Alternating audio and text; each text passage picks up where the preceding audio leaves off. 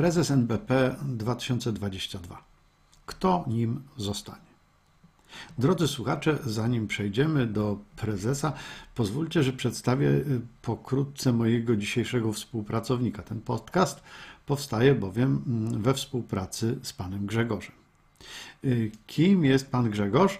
Y, pan Grzegorz jest jednym z moich studentów i Spośród licznego dość grona moich studentów wyróżniają go dwie cechy. Po pierwsze, e, pan Grzegorz imponuje e, znaczną, rozległą wiedzą ekonomiczną. To jest fajnie mieć takich studentów w grupie.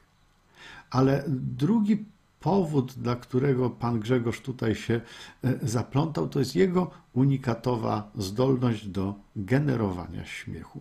Śmiech pana Grzegorza jest remarkable, jakby to powiedzieć można było po angielsku, jest taki niecodzienny i pan Grzegorz y, pozwolił mi go wykorzystać y, na potrzeby tego podcastu. Ok, no to wiemy już, kim jest pan y, Grzegorz. Teraz spróbujmy sobie powiedzieć o tym, kim jest prezes NBP.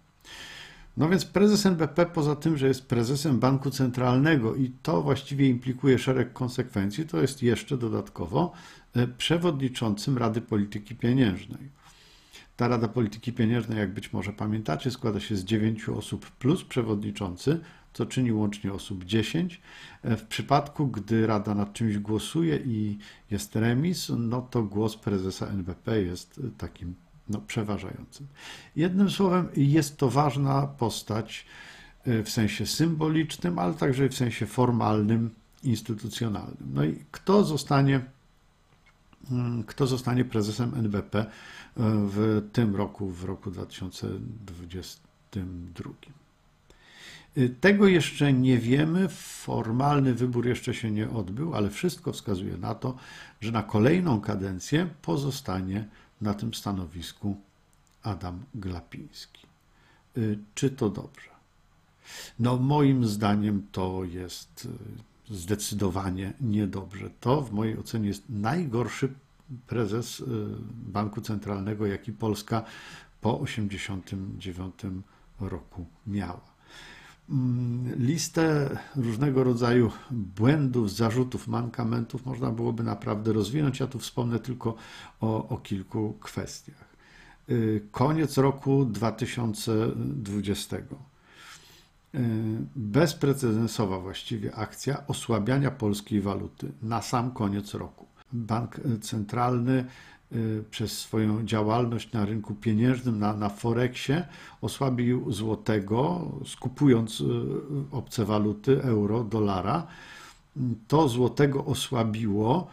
Y, właściwie nie było powodu do tego, by złotego osłabiać, choć NBEP, znaczy NBEP na początku twierdzi, że w ogóle nie interweniował na rynku, potem okazało się, że jednak tak ale robił to, żeby wspierać eksporterów. Nie było żadnych powodów, żeby akurat w okresie e, świąt wspierać eksporterów, moi drodzy.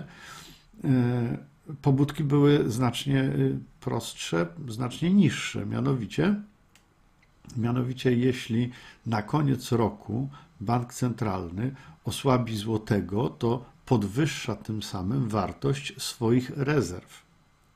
No bo jeżeli nakupował dolarów euro i ten kurs dolara euro jest wysoki, no to wartość rezerw jest duża, co pozwala zapisać NBP-owi znaczny zysk. Kiedyś y, znakomita y, większość tego zysku musiałaby być przeznaczana na rezerwy właśnie na tworzenie, rozwijanie, budowanie rezerw. Żeby można było w przyszłości, skoro bank centralny ma zyski, to te zyski miały posłużyć do zbudowania rezerw, żeby w przyszłości bronić y, siły krajowej waluty. Te rezerwy walutowe są taką właśnie amunicją do obrony kursu waluty krajowej. Za czasów PiS odpowiednie przepisy zostały zmienione. Dziś większość zysku NBP trafia do budżetu państwa, więc pozwala finansować bieżące potrzeby. Osłabiono złotego po to, żeby do budżetów państwa wpadło więcej pieniędzy.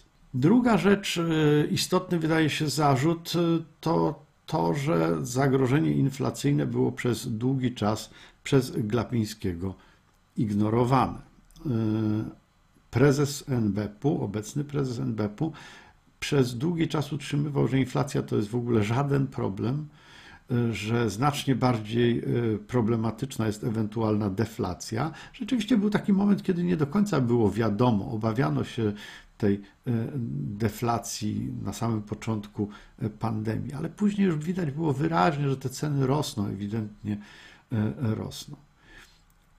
Trudno powiedzieć, w jak dużym stopniu słowa Glapińskiego, że inflacji nie będzie, spowodowały, że ludzie brali kredyty, nie biorąc pod uwagę tego, że jednak właśnie ceny wzrosną i stopy procentowe pójdą w górę w ślad za tym. Niektórzy twierdzą, że wielu ludzi uwierzyło Glapińskiemu. Ja myślę, że to akurat chyba nie jest takie naj, najistotniejsze. Chyba nie aż tak wiele ludzi brało pod uwagę przy swoich decyzjach zakupowych, kupując mieszkanie, czy, czy prezes powiedział to, czy coś innego, ale tym niemniej no, powinien umieć właściwie oceniać sytuację. Dodatkowo trzeba sobie jasno powiedzieć, że rozwojowi inflacji w Polsce na pewno może sprzyjać masowe skupowanie obligacji BGK, Banku Gospodarstwa Krajowego i PFR-u, bo w ten, w ten sposób NBP przy pomocy właściwie rządowych instytucji pompował pieniądze w gospodarkę. Można by powiedzieć, to w gruncie rzeczy było finansowanie deficytu budżetowego przez NBP, które jest prawnie zabronione, zakazane. NBP tego robić nie może. No tyle tylko, że taki program skupowania obligacji y, Banku Gospodarstwa Krajowego jest właściwie dokonywany formalnie poza budżetem, więc no, formalnie to jest wszystko ok, ale tak naprawdę to chodzi o finansowanie deficytu. Niewątpliwie polityka Banku Centralnego pod przewodnictwem Adama Glapińskiego y, sprzyjała wzrostowi cen na rynku nieruchomości. Ujemne stopy procentowe, y, niskie stopy depozytowe, y, to, że ludzie widzieli, że no, ich pieniądze tracą swoją siłę nabywczą, te pieniądze, które mają w bankach, nie ma możliwości ulokować ich w sposób taki, by ochronić się przed inflacją, no to ci ludzie zaczęli kupować dość masowo nieruchomości, mieszkania, działki. Y, to podbija ceny. Ja to widzę wśród moich znajomych. Widzę to bardzo wyraźnie. Mm, oni być może trochę późno, ale jednak y, mocno zwracają się w kierunku nieruchomości, mieszkań, mieszkań na wynajem kupują obecnie te rzeczy, bo widzą, że inflacja jest e, wysoka. Do tego zupełnie dziwaczna, chaotyczna komunikacja z rynkiem finansowym. E, poważne banki centralne komunikują swoje zamiary rynkom. Zanim zaczną podnosić stopy procentowe, mówią: No, nadchodzi czas podnoszenia stóp. Przygotowują rynki na to, że polityka będzie zacieśniana. Tutaj było zupełnie inaczej, zresztą Glapiński kiedyś wystrzelił takim tekstem, że chodziło o to, żeby zaskoczyć uczestników rynku. No to jest dziecinada, moi drodzy, tak? To jest dziecinada. Takie zaskakiwanie może mieć miejsce na rynku Forex, gdzie y, bank centralny może znienacka zainterweniować tak? w obronie kursu waluty. To się czasem zdarza i tu się rzeczywiście nie uprzedza innych inwestorów, ale politykę monetarną, ustalanie stóp procentowych ono nie ma na celu zaskakiwania uczestników rynku. Ostatni chyba taki e, element, e, który jest głośny, on, on budził oburzenie, to, to kwestia zarobków. E, ja tu mam troszeczkę mm, problem, ponieważ ja uważam, że naprawdę Y, czołowi fachowcy powinni być bardzo wysoko opłacani. Tak? Posłowie na przykład powinni dużo zarabiać. Powinniśmy mieć mądrych ludzi na stanowiskach posłów, powinniśmy tam wybierać mądrych ludzi, którym trzeba dużo płacić, no bo to jest ważna rzecz. Mm, to, co oni robią, to są ważne rzeczy. Natomiast w przypadku NBP-u y, mamy najwyższą y, inflację od lat, a NBP wypłacił swojemu prezesowi 600 tysięcy złotych nagrody. Nagrody za co? Chciałoby się zapytać. Y, Podwyżka wynagrodzenia, którą sobie fundnął pan Glapiński o 18%. Sporo powyżej inflacji, chyba że takie są prawdziwe oczekiwania inflacyjne Glapińskiego i on uważa, że rzeczywiście inflacja będzie 18%.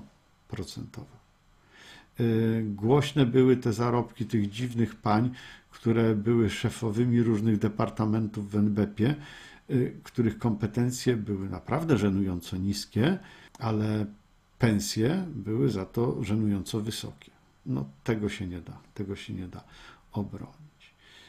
W moich oczach Glapiński jest naprawdę złym, złym prezesem NBP-u. On niby jest profesorem, ale naprawdę nie zachowuje się jak profesor, bardziej jak, jak taki sztubak, uczeń szkoły podstawowej, to bynajmniej nie orzeł w tej szkole. Pamiętacie, był kiedyś taki y, humor ze szkolnych zeszytów. To takie były w gazetach na przykład publikowane, takie były kolumny, gdzie tam y, były takie co śmieszniejsze wyrywki z zeszytów publikowane, na przykład z polskiego. Konopnicka żyła od urodzenia aż po śmierć. No, jak większość z nas, prawda? Albo na przykład biola, tak? biologia.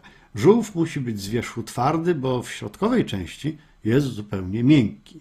No więc, moi drodzy, tutaj jawi się nam właśnie na takim poziomie pan profesor Glapiński, prezes naszego NBP-u. No bo słuchajcie, jak skomentować coś takiego? Stoję przed wami jako jastrząb na czele jastrzębi, które tworzą w tej chwili Radę Polityki Pieniężnej. Panie Grzegorzu? Albo na przykład coś takiego. Ludzie nie muszą się znać na ekonomii. Od tego jest rząd i odpowiedni specjaliści.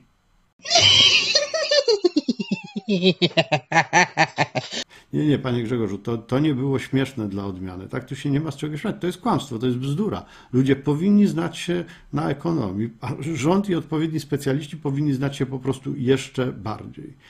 Ale no co tu komentować, moi drodzy? No, miało być śmiesznie, niechaj będzie. Nie można kopać się z koniem. Deszcz pada. Musimy wziąć parasol.